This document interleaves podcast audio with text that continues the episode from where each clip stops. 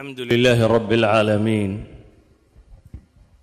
والصلاة والسلام على رسول الله وعلى آله وصحبه وسلم تسليما كثيرا وبعد فالسلام الله عليكم ورحمته وبركاته taariikhda ka warankeedu waa masaa'il aada u khatara marka dhan laga eego. Oo dadyowga dambe waxay isticmaaleen farsamo ah sidii caqliyada dadka muslimiinta ah loo masixi lahaa.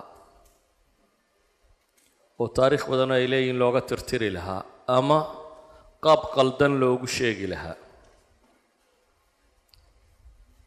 Sulaymaan asulطaan sulaymaan ibnu saliim ibnu bayaziid ibnu moxamed alfaatix intaanan ka warramin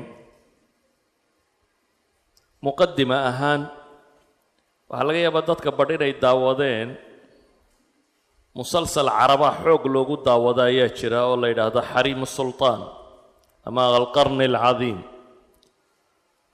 musalsalkaasi waxaa la rabaa in sulطaankan aynu maanta ka warrami doonno lagaga warramo. Laakiin waxaa looga warramaa si aada u liidata. Waa musalsal dhammaantii naago iyo tumasho iyo khamri iyo dumar iskhiyaamaynaya ku salaysan. Ninka musalsalkaa daawadaa wuxuu u arkayaa sulaymaan alqaanuuni inuu yahay cirbidu dowla alcuhmaaniya musalsalka waxaa qoray qof dumara oo fanaanada oo riwaayadaha qora oo miraal okay la yidhaahdo way dhimatay. Gabadh taariikh shaqo ku leh maaha laakiin mu'arikhiintii reer galbeedku iyo dadkii muslimka locolka ahaa waxay ka qorqoreen wax ka mida bay soo naqlisay iyo wax siinaariyaha ay ku qurqurxisatayba ma aha gabadh diinku shaqo leh. Bale waxay tilmaamaan barnaamijta qaarkood markii la waraysanayay waxay tidhi markaa dhinto ha lay gubo. Lamase gubin. Turkida marka la eego markii musalsalkaa la soo bandhigay toddobaatan kun oo shakwo toddobaatan kun oo dacwadood in ka badan baa loo qadimay. Wasaaradda ama majlis ilaclaa lilidaaca wa telefisiyoni turkiya oo la leeyahay waxaani waa xaqiiqa laga been sheegayo ee ilaa ayay gaadhay inuu ka hadlo madaxweynahoodu. Uu yidhaahdo sulaymaankaanu naqaanay ma aha. Kana idinku ka warramaysaan? Sulaymaanka ay saa uga warramayaan waa nin dagaalyahana oo mujaahida oo muslima oo futuuxaad badan leh oo gaalada madaxa dhulka u dhigay. Ilaa iyo uu leeyahay taariikhyahanka jarmal ee helmer la yidhaahdaa kaana hada sulطaanu ashaddu khaطran calayna min salaax addiini nafsi salaax addiin alayuubiga naqaane qudus xoreeyey waxaa nagaga daraa buu leeyahay sulaymaan alqaanuuniy ama mu'arikh historianka kale ee ingiriiska ee harod la yidhaahdaa wuxuu leeyahay ina yowmu mowti sulطaani sulaymaan kana min ayaami acyaadi nasaara buu leeyahay geeridii ninkaasi maalintuu dhintay waxay ka mid tahay buu leeyahy ciidahan u dabaaldegno oo ninka caynkaa yurub uga baqaysay ama taariikhda intaa leegle maxaa sidan loogu dhigay? Aan mas'alo idiin sheega markaa waxaa jira taarikhyahanadu markay ka warramayaan waxay sheegaan oo la yidhaahdo altaariikhu alsagiir waaltaariikhu alkabiir dad marka aad rabto inaad masaxdo oo dad liita aad ka dhigto waxay yidhaahdaan waxaa laga warramaa taariikhu saqiirka. Taariikhu saqiirku waa waxay gafaflaa. Maalan duwalka oo kale waxaa laga warramaa bay leeyihiin boqortooyada iyo dumarkii joogay iyo ragga iyo dumarka jooga jinsiga dhex maray iyo tarafka iyo kuraasidii taallay iyo khiyaamooyinka isku sameeyeen iyo wixii la dilay iyo waxaasaa laga warramaa. Oo qofka taariikhda akhristaa wuxuu moodayaa ummaddaa taariikhdooduba inay noocan un ahayd bale wuu ka yaqiiqsoonayaa inuu akhriyo. Maalan haddii maanta ingiriiska laga warramo qoyskiisa boqortooyada iyo dumarkii joogi jiray iyo rabshadihii ka dhici jiray iyo khiyaamooyinkay samayn jireen iyo isdilladay samaynayeen waxay kuuna muuqan lahayd dowlad yaroo baaba oo aan laf lahayn. Maca daalik uu dunidao dhan gumaysanayay taarikhulkabiirkuna ama taariikhda weynina waxay idhaahdaan waa dowlad ama ummaddaasi wixii injaasaad ah wax soo saare ay samaysay hadduu mid caskariya yahay hadduu mid dhaqaale yahay mid bini aadamnimo mid cilmi mid fikri mid qaanuun mid vaaliyu waxay dunida ku soo kordhiyeen. Oo bashariyada wixii ay u tareen.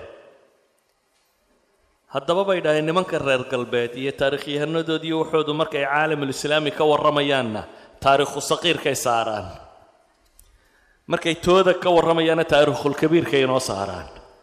Tooda waa saynis hebelo waxaan soo kordhiyey dowladdaasoo waxaa qabatay taasoo waxaa dhistay waxaa wixii ay qabteen bay ka warramaanee macne nolosha ku samaynayay.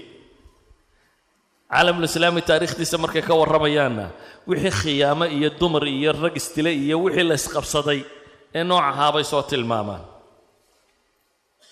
Xataa waxaan odhan karnaa waa masale bini aadamku uu u badanya inu socdo. Soomaalida qabaylkeeda dhegayso. Ninku markuu qabiilka reerkooda ka warramayo intay goob guulaysteen iyo nin waayeelo caqlile intii soo martay iyo nin deeq badnaa iyo nin waxbixiye iyo nin gabyaabuu kuu sheegaya. Reerka kale laakiin markuu ka warramayo midna casoo beri ku jira iyo maalin ay ceeboobeen iyo mar wax ka dhacay iyo inta meelee liidatee reerka kale buu kuu sheegaya. Yacni koodana taarikh kabiirkuu ka sheegaya reerka kalena wuxuu ka sheegayaa maxay? Taarikh saqiirkiisa. Wixii gefe ay geysteen ayuu ka warramayaa. Fakadalik taariikhda ragga qora waa khatar. Qaabkay u bandhigaanna waa khatar. Iyadoo waxa la sheegayaa xataa uu run yahay ayaa run laysku qalloocinaya u noqon kartaa weliba taariikhulislaami dhibta ka mida waxaa ka mid ah kutubu taariikhda caamkaa markaad u noqoto inta badan kuraasida iyo boqor baa dhaciyo bocor baa qabsaday unbay inta badan ka warramaan. Halka laga yaabo taariikhdii xadaaraddii iyo dadkii iyo dhaqankii muslimiinta ee dhabka aha inaad ugu tagto kutubu taraajum iyo wax ka la mid ah iyo kutubu tabaqaat iyo. Marka culammada laga warramayo sheekhaasi wakhtigu noolaa ardadiisii dadkii wax u baray. Marka laga warramayana waa caalam kale. Marka taariikhu saqiirka lagu saaro kursi la ysku dilay iyo nin meel qabsaday waxaad odhanaysaa meeshuba waxay ahaan jirtay meel dagaaluun iyo rabshadi ka socoto haddaba sulaymaan alqaanuuni wuxuu dhashay taariikhda hijrigii markay ahayd sagaal boqol. Bishii safar lixdeedii baa lagu tilmaamaa wuxuu ku dhashay magaalo la yidhahdo trabzon trabzon waa magaalo ku taalla baxril aswadka waxay ka soo hor jeedaa waddankan uu iminka qabsaday raashenku iyo qiramka la yidhaahdo tataarkan muslimiinta ah ee raacsiisnaa dowladdan kale ee ukraine ee uu hadda putin qasabka ku qabsaday waa waxay ka mid ahayd dowla alcuthmaaniya alqiram baa la yidhahda waa tataarkii ka soo horjeedkiisa waa magaalo ku taallo xeebta ah. Waxa awoowu ah baa yaziid athaani aabbihii waa sulaymaan aabbihii waa saliim awowgiina waa baayaziid athaani baayaziidna waxaa aabbihii ah moxamed alfaatix ninka macruufkee la yaqaano ee istanbul. Ninkii furtay waa sulaymaankan awowgiisa labaad. Trabzon markuu ku dhashay waxay yidhahdaan aabbihii isagoo kitaab haya ayuu inankani u dhashay. Dabeetana tayamunan qoys boqortooyare way ahaayeen. Isagoo ka barakaysanaya u bixiyey sulaymaan nebi sulaymaan iyo meelahaas inuu ekaado oo kale ayuu sulaymaan ula baxay. Trabzon waa magaalo qolo comninos la odhan jiray oo caa'ila dowladihii byzantiyiinta ahayd ay samaysteen siiba markii istanbul ay ka qabsadeen dowladihii laatiinku ay ka qabsadeen byzantiyiinta nimankii la odhan jiray. Waxaanay ka mid tahay dhulkii uu furtay moxamed alfaatix ninkaa istanbul furtay ayaa magaaladanna hore u furtay. Wuxuu ahaa wiilka qudha ee lab ee uu aabbihii dhalay. Saliim inan kale ma lahayn. Hablo badan buu la walaalahaa ninka kani. Waxay dhahdaan wuxuu la koray wiil qaadiga madiinadu uu dhalay oo ay saaxiib ahaayeen. Qaadigaas oo nin caalim oo caalimuddiin mutasawifa ahaan jiray oo la yidhaahdaa yaxya bnu cumar afandi waxaa macallim u ahaan jiray khayrudiin afandi nin sheekhoo caanoo la odhan jiray. Toban jir meelaha markuu gaadhay dhaqankii ay lahaayeen waxay ahayd ilmaha boqorrada marka la gudayo waxaa loo dhigi jiray xaflad. Toban jir markuu gaadhay baa xaflad loo dhigay. Aabbihii aad buu u danaynayey markii uu qaan gaadhay kadibna awowgiibaa waxaa loo weydiiyey in isna gobol loo dhiibo. Dhallinta markay labaatan jirrada ku dhadhow yihiin ayaa gobollada yaryar la geyn jiray si ay u soo tababartaan oo maamulka ugu soo tababartaan. Marka aabbihii oo trabzun haysta ayaa wuxuu wiilkiisa awowgii uga codsanayaa inuu isna meel loo dhiibo. Aabbihii saliim baa yasiid inamadiisa yaryar buu ka mid yahay. Ninka weynoo axmed la yidhaahdaa jiro isuu dhigaya inuu isagu boqortooyada qabsado. Markay cabbaar la ysku celceliyey akhiiran kafa meel la yidhaahdaa maamulkeeda loo dhiibay. Kafi qiramtaasay ka tirsantay markaa. Waa meeshii koowaad ee sulaymaan uu madax ka noqdo. Kafa markuu joogay muddo markaa aabbihiina gobolka ka soo hor jeeda ayuu haystaa. Awowgiina waa boqorka waddanka oo dhan.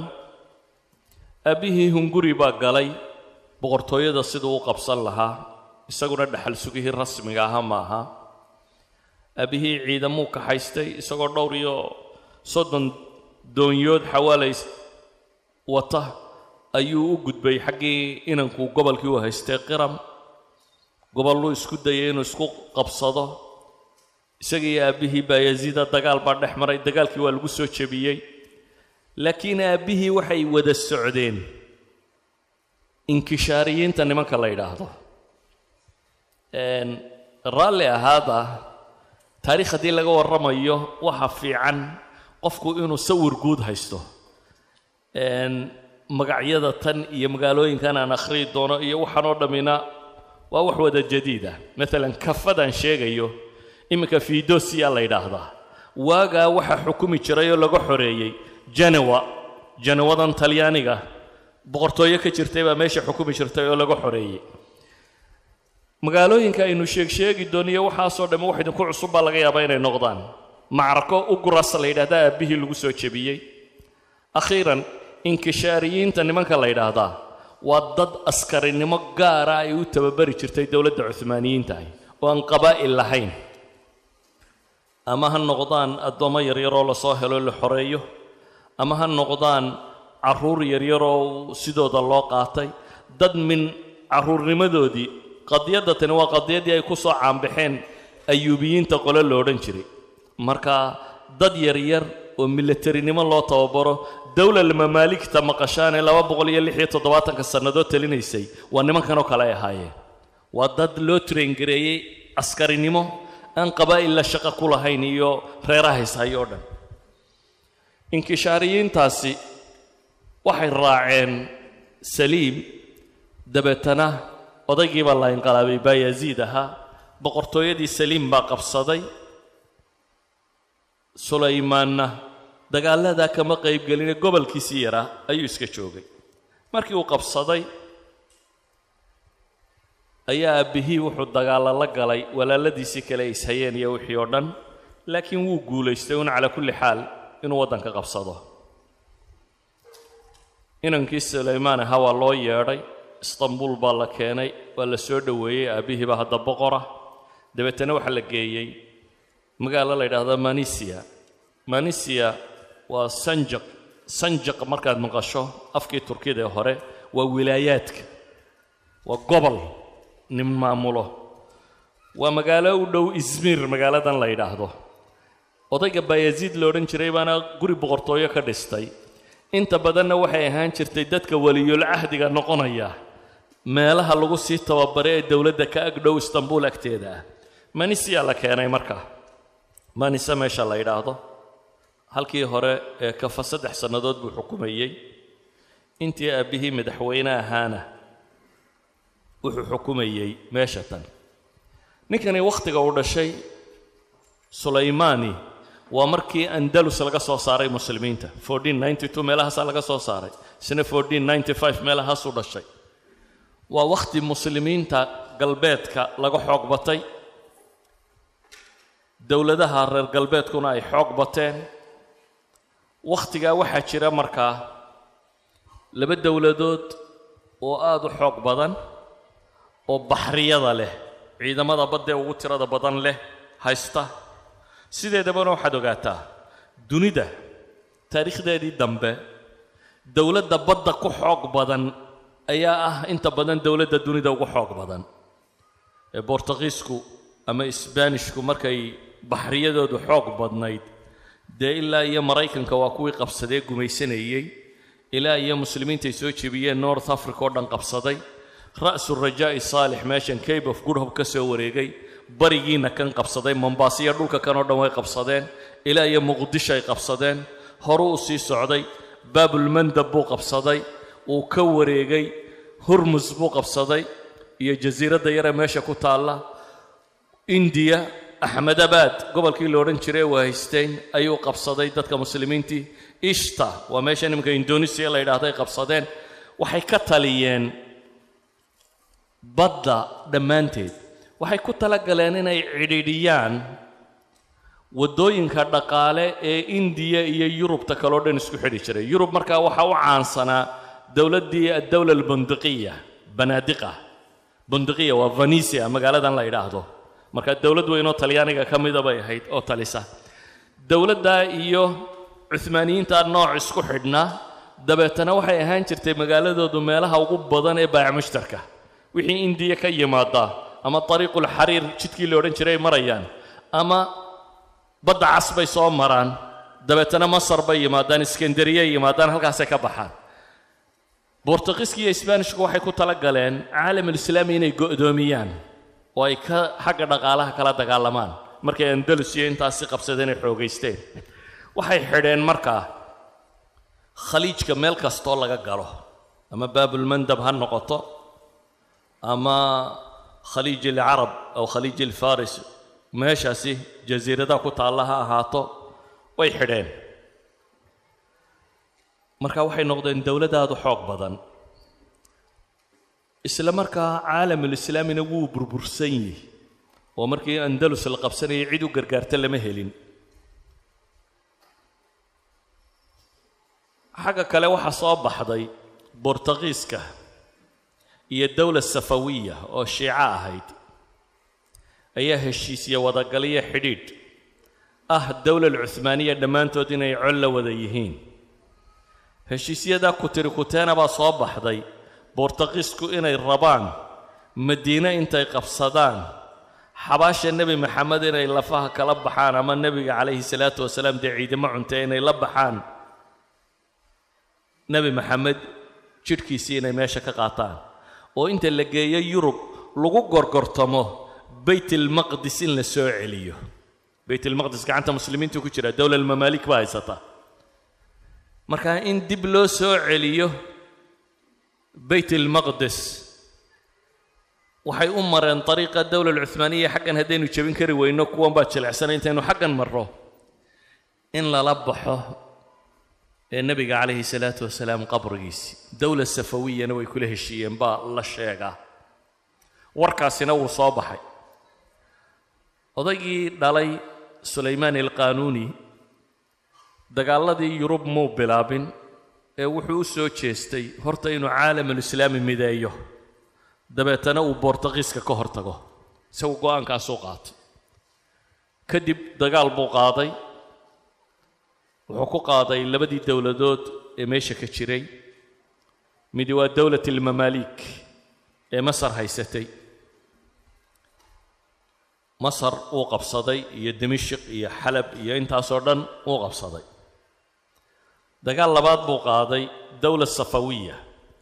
Dowla safiya wada maqashaan waa eeraaniyiinta tan.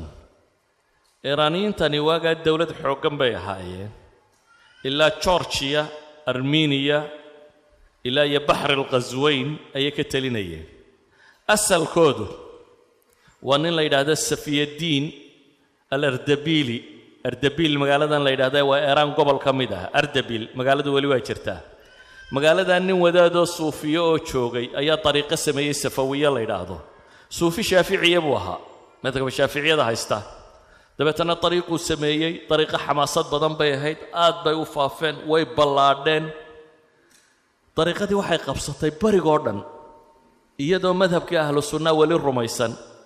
Inanuu awoowo ahaa alkhoja cali la yidhaahdo ayaa shiico noqday. Dabeetana dowladdii waxay isu beddeshay nin siyaasiyuu noqday dowlad buu qabsaday shiicuu noqday raafida itnay cashariyadu ku biira. Marka waa jaddahu alkhaamis ashaah ismaaciilka safawiga ee muslimiinta qasabka ku shiiceeyey awowgiisii shanaad buu noqonayaa markaa safiyadiinku meeshuu qabsadeen dowlad ballaadhan bay noqotay ahlu sunnuhuu laayey qasab wuxuu kaga dhigay. Eeraan shan qarni horteed muslimiin ahlu sunnaa bay ahaayeen inta madhabka yare shiicadii labada eeraan buu wuxuu ka yimi lebnan. Madhabka lebnaan baa u culamo ahayd eeraanta tan. Iminka ay cagsiga tahay. Dowlad safawiya markay qabsatay qasab bay ku shiicaysay muslimiintii. Ama waa lagu dilayaa ama shiico. Xaggaana qasab baa lagu kiristaameeyey wixii xaggaa xigay.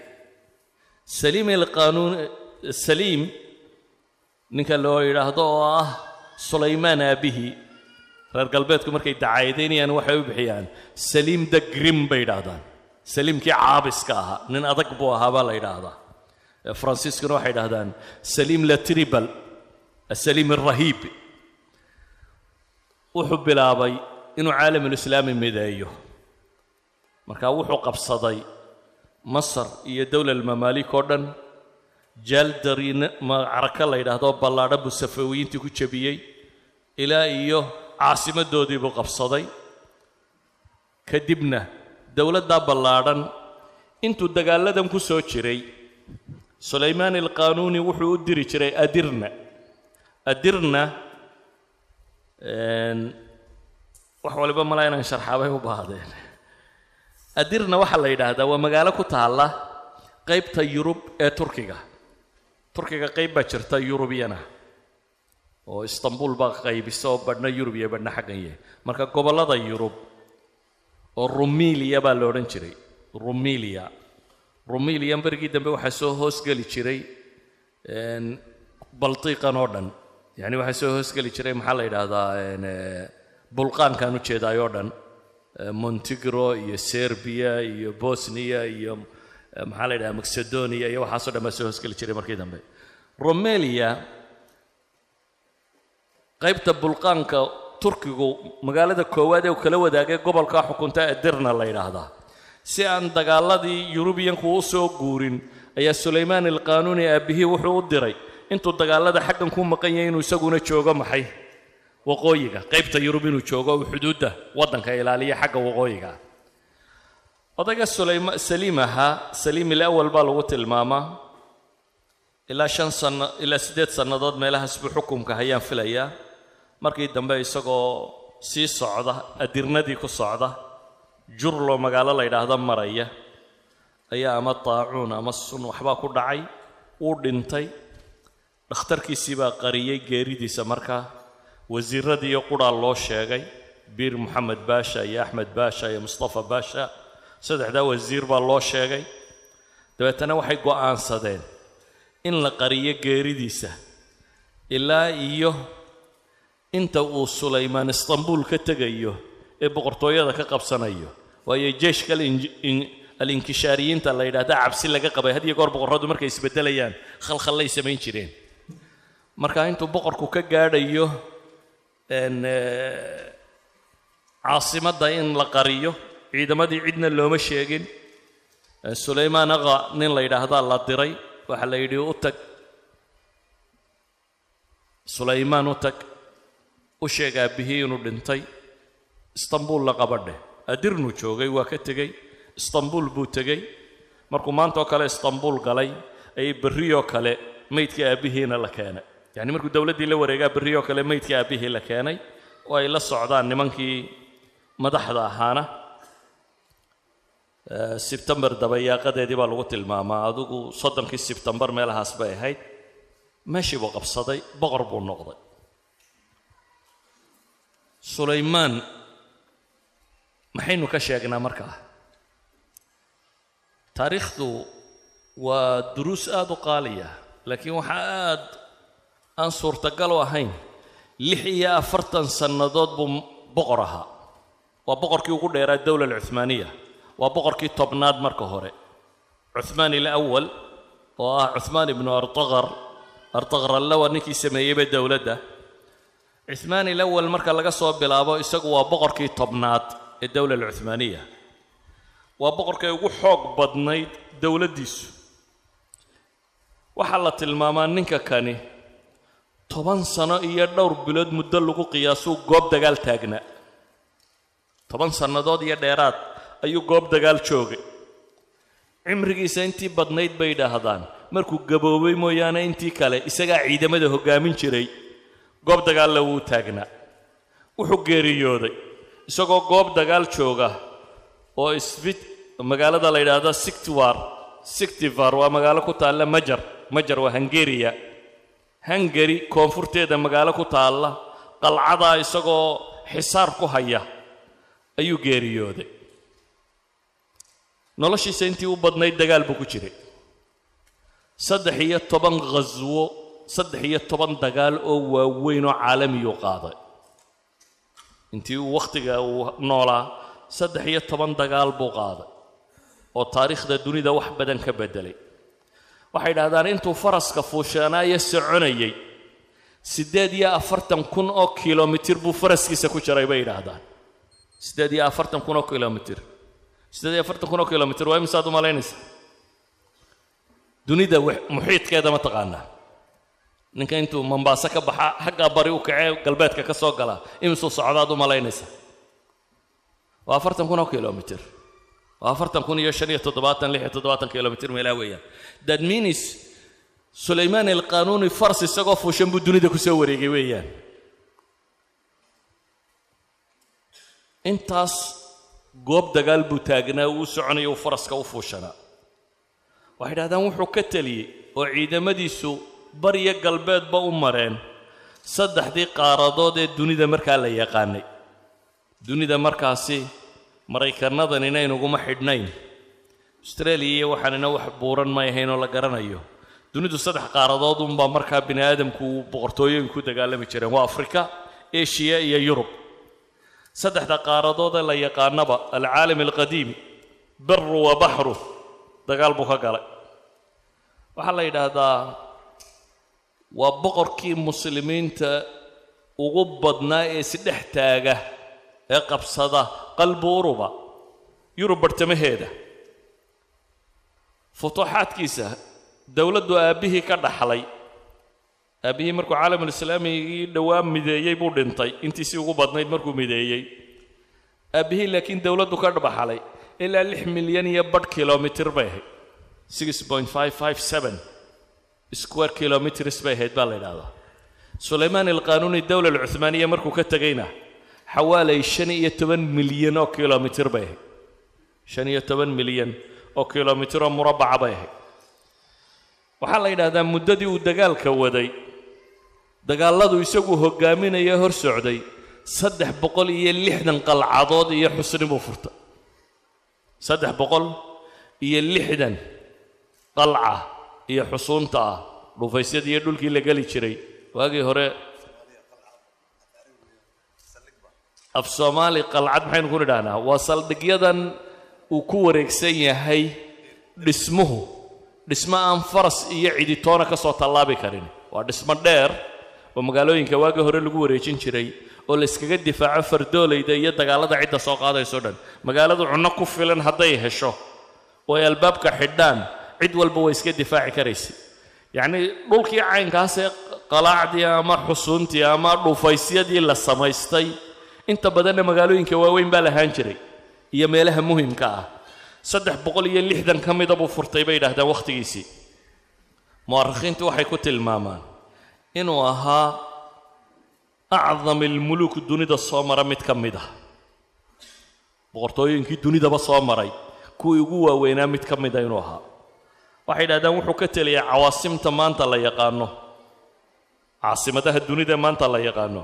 Athenis sofia baqhdaad dimishk istanbul budabest belgarad qaahira bukharest sarayevo tiri uun waxaa maanta caasimad la sheegay intooda ugu badan leh ee yurubta bari iyo balkaniska ah ama caalamulislaami ah intaasuu boqor mar wada ahaa. Ilaa tibriis laga gaadhayo waa caasimatu safawiyiin. Eeraan qaybteeda waqooyi bay ku taallaa. Waxaa lagu tilmaamaa wakhtigiisii inay gaadhay dowladdii cuhmaaniyiintu heerarka ugu sarreeya ee dhaqaale iyo bulsheed. Guulihii siyaasiga ee uu gaadhay waxay xoojiyeen qaybta dhaqaale iyo bulsheed ee waddanku u lahaa. Waxaa la sheegaa inuu yahay nin dib u soo nooleeyey mabaadi'i alcadli waalqaanuun sulaymaan alqaanuuni wakhtigiisii lama odhan jirin wakhtigiisii asultaan sulaymaan baa la odhan jiray waa dambe ay taarikhyahanadu qorayaan baa waxaa loo bixiyey ninkani qawaaniintuu jideeye cadaalad ku saabnaa daraaddeed baa loo bixiyey sulaymaan alqaanuuni reer galbeedku iyagu waxay qoraan sulaymaan the magnificent bay yidhaahdaan. Sulaymaankii weynaa ayaa la yidhaahdaa sulaymaan alcadiim kutuba taariikh ee reer galbeedku markay ka warramayaan. Waxaa lagu tilmaamaa saltanadiisu inuu ahaa akbar dawla wa aqwaha fi lcaalam qarnigii lixiyo tobnaad. Qarnigii lixiyo tobnaad dowladdii dunida ugu xoog badnayd ee ugu weynayd buu ahaa. Sababtuna waxay ahayd bay leeyihiin mu'asasaadka cariiqa ah xeesha dheer leh uu sameeyey iyo ciidamada nidaamsan. Hadday ciidamada madaafiicda yihiin hadday ciidamada lugta yihiin hadday ciidamada fardaa yihiin waxay yidhahdaan madaafiicdii ugu waaweynaa dunida markaa ugu khatarsanaa dowlad cuhmaaniya baa markaa haysatay. Walidaalik ay reer galbeedku waxay ku sheegeen inuu yahay the magnificent ama grand tark bay odhan jireen. Kabiirul atrak kii u weynaa turkida. Lix iyo afartan sannadood baanu suldaan ahaa dhanka khilaafada marka laga eego waxay yidhahdaan xawaalay alkhaliifa amaaniin oo kale. Laakiin kuwaa hore ka kaalay dowla alcuhmaaniya cid khilaafo sheegata aabbihii baa ugu horreeyey awal wuxuun bay ahayn dowla alcuhmaaniya laakiin khilaafada ayaa sheegan jiray. Almutawakil cala allah nin la yidhaahda baa joogay qaahira oo magac magacuyaal iska ahaa. Markii tataarku ay jebiyeen khilaafadii baqhdaad degganayd cabbaasiyiinta ciddii ka hadhay waxaa la dejiyey maxay? Qaahiro iyo qidis iyo dhankan bay yimaadeen. Dabeetana magacuyaal ahaan baa loo magacaabi jiray khaliifka. Laakiin waxaa meesha maamuli jiray boqorrada mamaaligta baa maamuli jiray. Markuu qabsaday aabbihii masar ayuu qaaday. Kii ugu boqortooyadii ugu dambaysay ka jirtay khaliifkii ugu dambeeyey islaamiga ee meesha joogay almutawakil cala allahi la odhan jiray. Markaas buu geeyey istanbul. Wuu uga tanaasulay bay sheegaan. Aabbihii baa ah markaas saliim baa ah. Dowla alcuhmaaniya awal rajul khaliif sheegta kuwii ka horreeyey salaatiinuun bay ahaayeen ciddii koowaada khaliifo sheegata waa saliim ninkani markaa khaliifu isagu dhaxlay. Sulaymaan alqanuuni markaa isagu waa khaliifatu lmuslimiin athani binisba ila dowla alcuhmaaniya waa khaliifkii muslimiinta ee labaad marka la eego dowla alcuhmaaniya cahdigii lix iyo afartanka sane uu xukumayay waddankaasi. Waxay ku sheegaan inuu yahay alcasru dahabi lildowla alcuhmaaniya bay yidhaahdaan waa alcasri dahabi casarkii ama wakhtigii dahabka ahaa ee ay soo marto dowladdaasi waxay dhahdaan saltanadiisii waxa hunguri kaga jiray inuu dunidoo dhan qabsado sidii ay wakhtigii dambe duwalka reer yurubkii ku fakerayeen oo kale ayuu isagu ahaa marka la eego yurubta boqorrada yurub. Waxay ahaayeen dad ka dambeeya boqortooyadiisii oo waxaa la yidhaahdaa yurub alxadiid ama modern yurub iyo xuduudahan ay leediya waxa kan. Waxaa ka qayb qaatay samaynteedii bay yidhaahdaan. Wixii uu isagu geystay. Dagaallo saddex iyo tobankii uu qaaday dhan walba wuu u qaaday. Dhankan wuu soo socday ilaa iyo dhulkan xabashiduu qabsaday jabuutuu qabsaday eriteriyuu qabsaday soomaaliyuu qabtay yeman buu qabtay cadan iyo ticis iyo qaybteedan hoose. Wuxuu qabsaday maxaa la yidhahdaa sawaakin waa waddankan suudaan la yidhahda qayb ka mid a wuxuu xoreeyey oo bortugiiska ka xoreeyey mantaqadan loo yaqaano albaxri alaxmar suqataruu qabsaday. Oo intaasoo dhanba bortugiis buu ka kiciyey cahdigiisu waa wakhtigii xaggan kalena axmed guray uu ka dagaalamayey oo ay isku cahdi bay ahaayeen axmed guray iyo maxay? Iyo sulaymaan alqaanuuni waa isku wakhti wuxuu gaadhay xad uu u kaco dhanka bari. Dabeetana dhanka bari wuxuu qabtay cumaan buu qabtay. Dabeetana kanaalkaasi laga soo galo baxril carabka ee eeraanta iyo carabta u dhaxaysa buu qabtay. Jasiiradda meesha ku taalla buu qabsaday. Alaxsaa buu qabtay. Kadibna waxaa soo hoos galay gadar baxrayn kuwait sacuudiga. Waxaasoo dhan baa hoostiisa yimi. Dowla safawiya wuu jebiyey. Baqhdaad buu dib u qabsaday. Tabriis buu qabsaday laba magaalo iyana kuwa gobollada sare georgiya iyo armeniya qaybo ka mid uu ka qabtay. Caalamulislaamiya oo dhan intiisii ugu badnayd. Indiya muslimiinta joogtay markay bortugiiska ka cabanayeen isagay u cidirteen dabeetana ustuul baxriya buu masar ka amray inuu ka baxo oo uu axmedaabaad meesha la yidhaahda intuu tago inuu u hiiliyo. Markuu bortugiisku qabsaday waddankan loo yaqaano indonesiya waxay u cid dirteen isaga. Dabeetana cid buu u diray in laga dhiciyo bortugiiska meesha. Markay qabsadeen sbaanishku aljazi algeria iyo xeebaha waqooyi oo dhan cid buu u soo diray.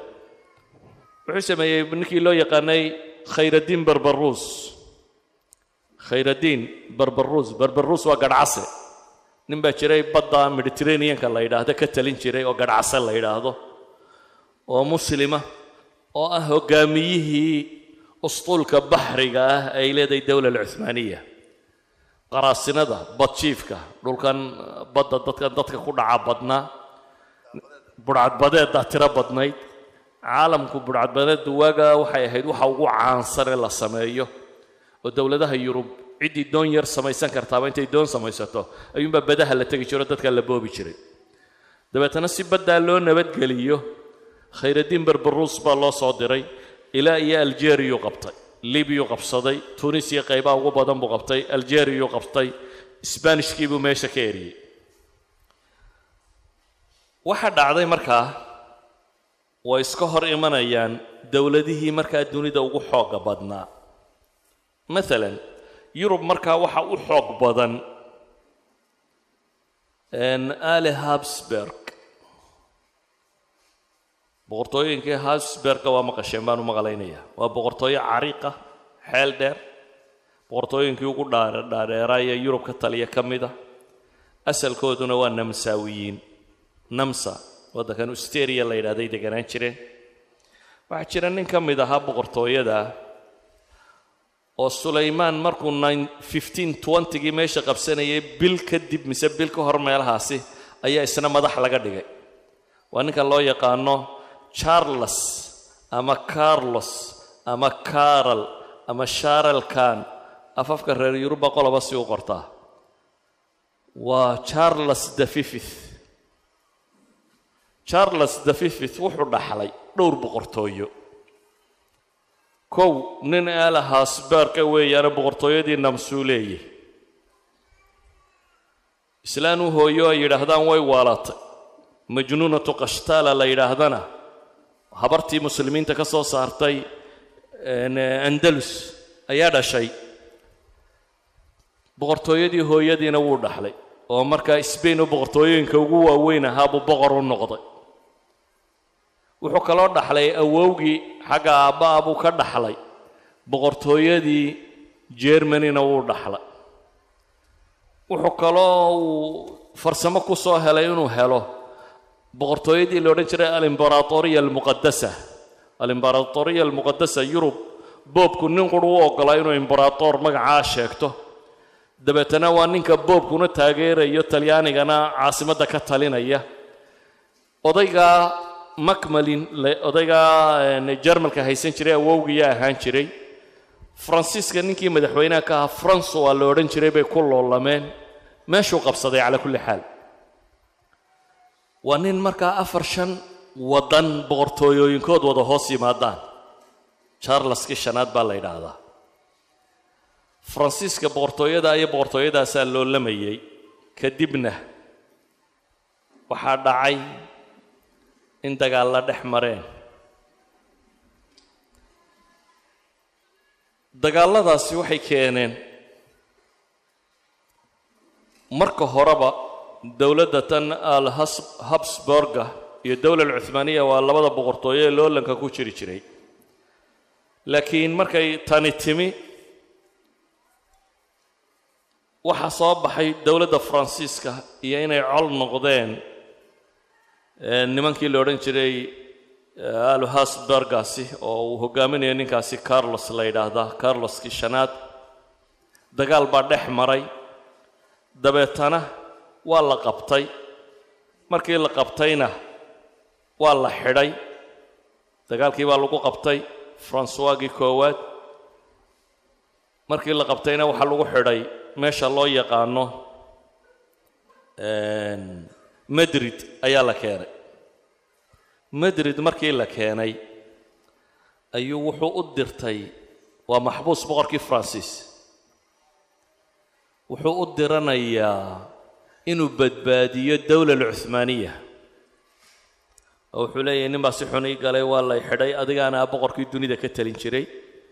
Xabsigaya layga soo daayo hooyadiioo naa'ibad u ahayd oo faransiiska markaa xukumaysaa waraaq soo dirtay islaanta waraaqdeedii waa tan. Waxay leedahay muddaan sugayay inankayga xidhan anigoo inuun rajaynaya inuu bini aadamnimo eego shaaralkaan laakiin may dhicin rajadayadiina way gaabatay. Sidaa awgeed waxaan ka codsanaynaa bay leehay fa innii altamis min jalaalatikum wa cadamatikum bisifa khaasa bian tatafadaluu biidhaari fakhaamatikum bikhilaasi ibni wainqaadih min qabdati dulmi caduwina wadalika bicadamatikum wajalaalatikum almu'ayada walmusadaq calayha min alcaalam waxay leedahay boqorka faransiis aduunbaa soo dayn karaa adaa ah boqorkii dunida weynidaada iyo jalaaladaada waxaanu kaa codsanaynaa boqorkayagii baa maxbuusa inaad soo dayso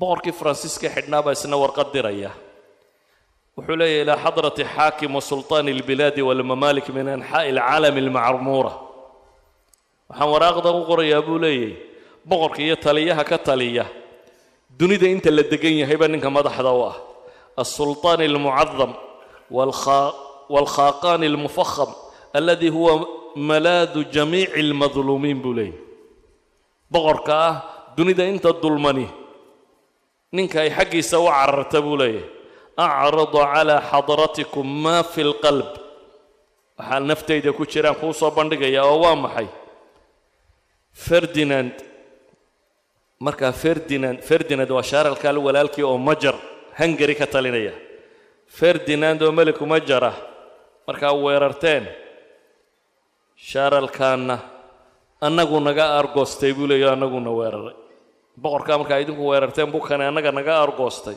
dabeetana maxbuus baan ahay fadligaaga uun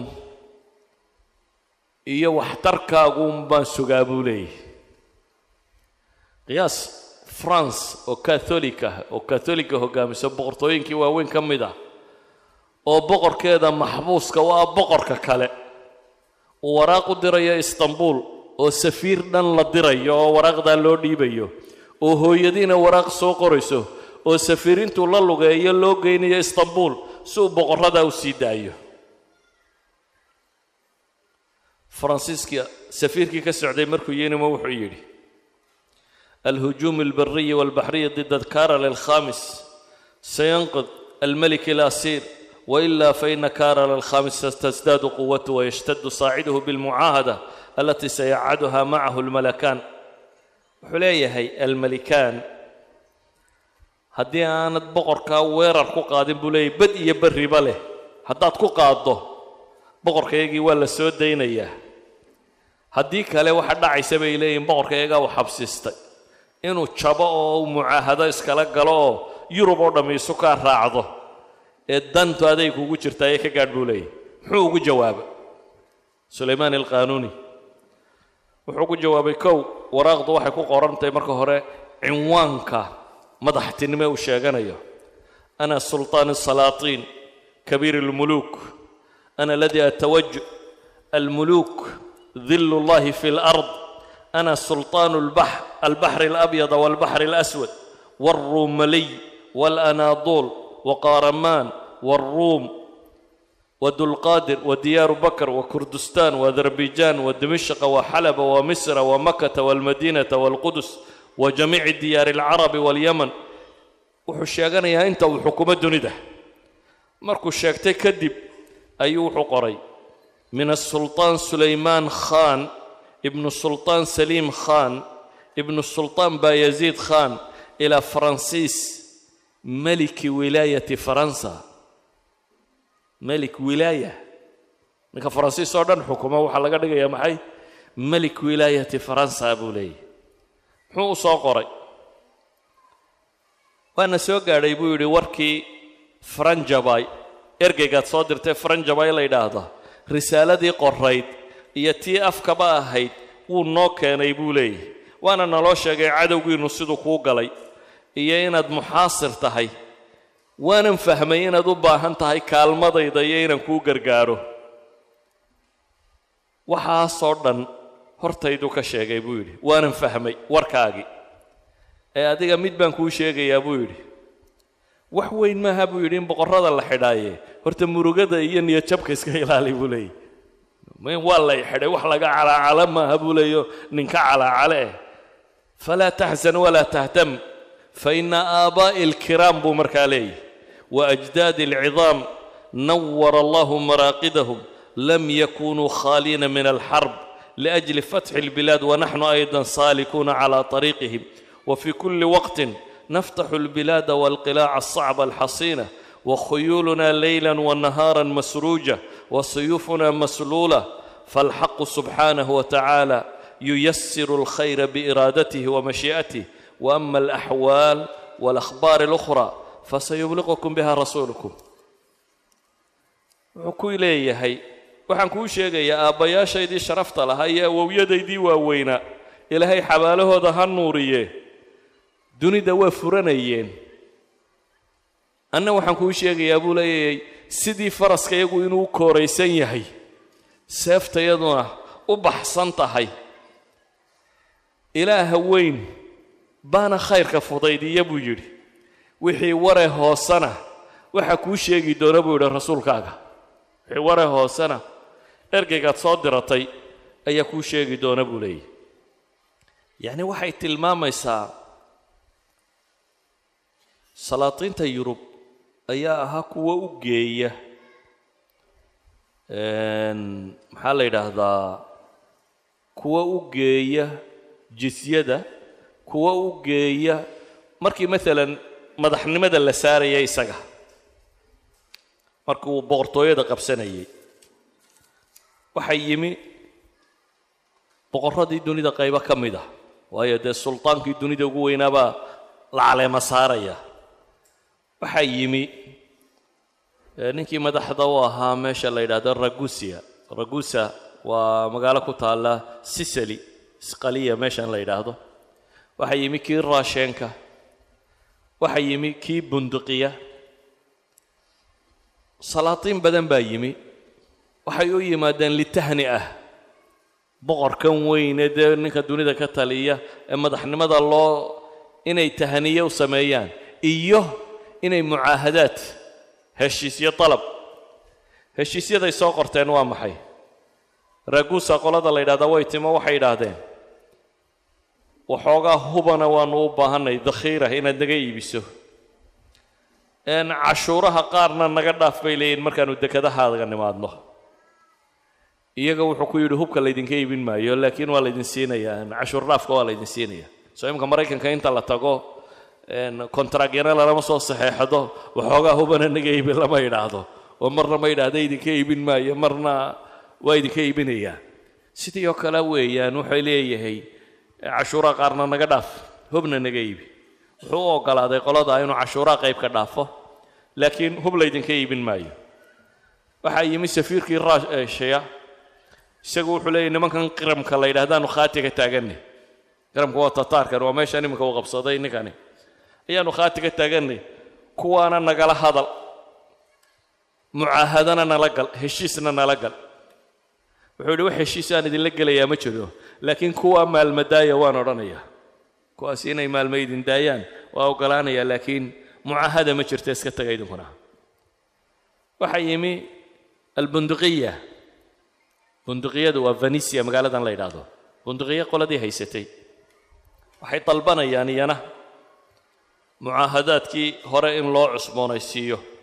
Marka hore way ammaaneen boqorka aad baanu ugu qanacsannay bay leeyiin boqortaydaadiyo waxaad waddo oo dhan. Waxaanu rabnaa heshiisyo heshiisyadoodii iyaga dan kalu lahaa. Waayo markaa wuxuu diyaarinayay duulimaad aada u ballaadhan oo yurub ku qaado aluhasbergeedii iyo majariyiintu uu duulimaad ku waday. Saa daraaddeed wuxuu rabay bunduqiyada tan inuu ka saaro xilfi wadaagga qolada inaanay gelin. Iyaga mucaahadu la galay mucaahadada waraaqdii inta la qaadaa waxaa laga akhriyey majlisu shuyuukh ay leedahay meeshaasi abril siddeedeedii soddon bandi ama soddon qodob bay mucaahadadu ka koobantay. Ka koowaad tijaarada in xorriyad laga dhigoo la oggolaado nabaddana la sugo. Ka labaad safiir inaad noo oggolaato inaanu istanbuul keensanno oo weliba saddexdii sannadoodba maraanu kaa beddelno. Safiirku safiir daa'ima ma aha. Every three years in la beddelo. Wax allaaliya wixii kaa soo baxsada inaynu soo celinno. Dadka badda dhibtu ku haleesho inaan wax dhiba loo geysanin. Wixii dhinta ama mutahamiina soo yaaca in laysu celiyo. Nimanka banaadiqadii ama dowladdiinnaasi waddanka istanbuul gudaheeda inaydan waddanka turkiga gudihiisa inaydan socon karin ilaa warqad dhaqdhaqaaq safiirku idin siiya mooyaane. Waddanka gudihiisa warqadda dhaqdhaqaaqee safiirka ayuunbaa ka qaadan kartaan. Waxay codsadeen north africa intaan ay muslimiintu xukunto in loo oggolaado inay la baac mushtarayn karaan. Waxay aqbaleen wixii doone tijaare ay leeyihiin istanbuul inta la keena in la baadho marka hore waxay sido. La ogaado waxa ay sido. Waxay aqbaleen shan kun ilaa toban kun oo dahaba dawqiya dahabiya ah oo ah inay sannad kasta ka bixiyaan labada gasiiradood ee qubrus iyo zantana dowlal cuhmaaniya loo keeno. Mucaahadad soddon bandi ka kooban buu qoladan la aqbalay waayo bay dhaheen boqorku wuxuu u baahnaa dagaallada uu qaadaya inaanay qoladani qayb ka noqonin oo ka soo qayb gelin. Waxaynu leenahay markaa boqortooyadu ninkani xukumayey wuxuu ahaa boqorka aynu odhan karno dunida ninkii ugu boqortooyo ballaadhaabuu wakhtigaasi ahaa oo boqortooyooyinkii wakhtigiisa la noolaa waxaa ka mid ah imberatorka carol alkhamis la yidhaahdo oo arshadoqi arshadoq waa boqortooyada ka talisa namse ahaa imberatoriya almuqadasana isagu dhaxlay iyo sbain imberatoriyadeedii waxaa ka mid ahaa walaalkii waxaa ka mid ahaa boqortooyooyinkii faransiiska ee francoisgii koowaad iyo henrigii labaad waxaa ka mid ahaa boqortooyadii ingiriiska henrigii sideedaad qaysarkii ruumaan qaysarkii rushiya caalamulislaami marka la eego boqortooyinka yarare jira waa shaah tahmas tahmasib shaah tahmasibku ismaaciil safawigii oo odaygii hore ee salim uu jebiyey inankiisii weeyaan. Iyo hamayuun albaburi hamayuun albaburi waa ninkii xukumayay markaa indiya dowla almaquuliya ka soo hadhay baaburku soomaydan maqalimka masaajid had iyo goor laysku hayo ay dumiyaan oo indiya ku yaallo ay leeyihiin macbad ha loo bedelo hindidu ay ku doodayso. Waa hamayuunkana aabbihii ninka dhisay. Baaburiga la sheegaya waa kaa aabbihii. Hamayuun albaaburiy waxaa ka mid ah akbar shaahi oo ibnu hamayuunkaasi markuu dhintaya waxaa soo boqora oo dunida ka jiray marka la barbar dhigo sulaymaan alqaanuuni waxay ahayn dowladda yaryar ee la ilaaliyo. Mu'arikhii qarnigii lixiyo tobnaad ee muslimka ahaa sheikhii la odhan jiray jalaal zaada mustafa shalabi. Markuu sulaymaan alqaanuuni ka warramayay wuxuu yidhi innahu zubdatu aali cuhmaan buu yidhi. Dowla alcuhmaaniya zubdadeedii muceedu ninkan buu ahaa buu yidhi. Saddex shay baanu ku caanbaxay buu yidhi. Alcadaala ou dadka u cadaalad sameeyo iyo ximaayatu shacbi wasacyu calaa masaalixihim shacabka ilaalintiisa iyo masaalixdooda guud inuu dhowro iyo sifatu lfaatixi alcaalamiy inuu ahaa nin furasho badan waxay dhahaan sulaymaan alqaanuuni wuxuu ahaa nin gabyaaya oo gabayga ku fiican wuxuu ahaa nin luqada carbeed iyo luqada beershiya iyo luqada atraagta siba lahjata taariya iyo turkigiisiiba. Afartaa luqaba nin si fiican u yaqaana buu ahaa bay idhaahdaan. Waa kuwa yidhaha gabayadiisa caanka ay sheegaan waxaa ka mid ah. Gabay uu leeyahy markay tarjameen wuxuu ka mid ah. Ina sijaadatan takfi suufiyayn itnayni walakina alcaalama kulluhu laa yakfi limalikayni buu yidhi. Hal sijaadod hal sijaayada laba wadaadoo suufiyaa waa iskaga filantahay buu yidhi. Laakiin dunidoo dhammi laba boqor kuma filla buu leeyahy gabay uu tirinayo. Yacni caalamu siyaasi ahun guriga yaalla iyo caalamu zuhdi inta deeqi karta buu tilmaamayay cahdigiisii baa la qoray qaanuunkii ugu badnaa ee waddanku ilaa iyo dowla alcuhmaaniya ay dhacaysay ay ku dhaqmayeen. Qaanuunkiisu wuxuu ka koobnaa baa la yidhaha fataawi alculamaa walidaalik qisaska cajiibka ay ka sheegaan waxaa ka mid ah. Markuu dhimanayey ayuu yidhi sanduuq sanduuqa ha layla aaso sheekh ilislaamkii ahaa mufti dowla ayaa wuxuu yidhi sanduuqa armay wax qiima lehe ku jiraan. Ha la furo ilan in hadday mujawharaad iyo wax wanaagsani ku jiraan in xabaal la geliyo maahee sanduuq aan ogaana buu yidhi waxa ku jira ha la furo. Maydkiisi iyo meesha yaallaa sanduuqii la furay. Sanduuqii waxaa loogu tegey wixii uu sheekhulislaamku fatwo siiyey oo dhan oo qoraala buu ku sitaa ilaahay baan la hortegayaa buu yidhi wixii aan dhigay inaa idigu fatwooteen oo ay tahay. Waxay yidhahdaan marka qawaaniintuu dhigay inta ugu badnayd waxay ahayd bay yidhaahdaan. Qawaaniin ku saabsiisan. Waxaa lagu tilmaamaa ninka kani inuu caan ku ahaa awqaafta iyo waxyaabaha khayriga ah wuxuu caan ku ahaa dhismayaasha caankee maanta loo daawasho tage ku yaalla. Waa ninkii dhisay. Maalan masjid sulaymaan alqaanuuni waa maqashaanin badan oo masaajidda ugu caansan ee marka la tago istanbul la daawado ah. Isagaa dhisay. Jaamacaddii kuliyaadkii la socday isagaa dhisay. Masjid saliim isagaa dhammaystiray. Bayt ulqudus dib buu tarmiim ugu wada sameeyey. Maka waxbuu ka dhisay makiya madiina wuxuu u sameeyey khadamaad cusub buu u sameeyey. Jawaamicda caamkaa jaamican weyne ku yaalla maxaa la yidhaahdaa baqhdaad alimaam ilacdam jaamiciisa isagaa dhisay. Cabdilqaadir jaylaani jaamiciisa isagaa dhisay. Waxaasoo dhan markaynu eegno inta aan idiin sheegay waa cumuuman muqtadafaad ka mida wixiisii laakiin taarikhdiisii kama warramin. Waayo taarikhdiisa dagaalladiisoo qura haddaan ka warramo dee waa saddex iyo toban dagaal oo cawaasimta dunida ugu caansan ku furtay. Belgarad isagaa furtay budabest isagaa furtay bukhres yacni cawaasimta dunida maanta la yaqaano waa ninkii dagaalada ku furtay. Walidaalik maynan ka warramin taariikhdiisii laakiin waxaynu ka warrannay dowla alcuhmaaniya oo cahdigiisii maamulayay simaadka caamkaa ay lahayd wakhtigiina wuu dhammaaday halkaasaynu ku joojin wallahu aclam billahi towfiiq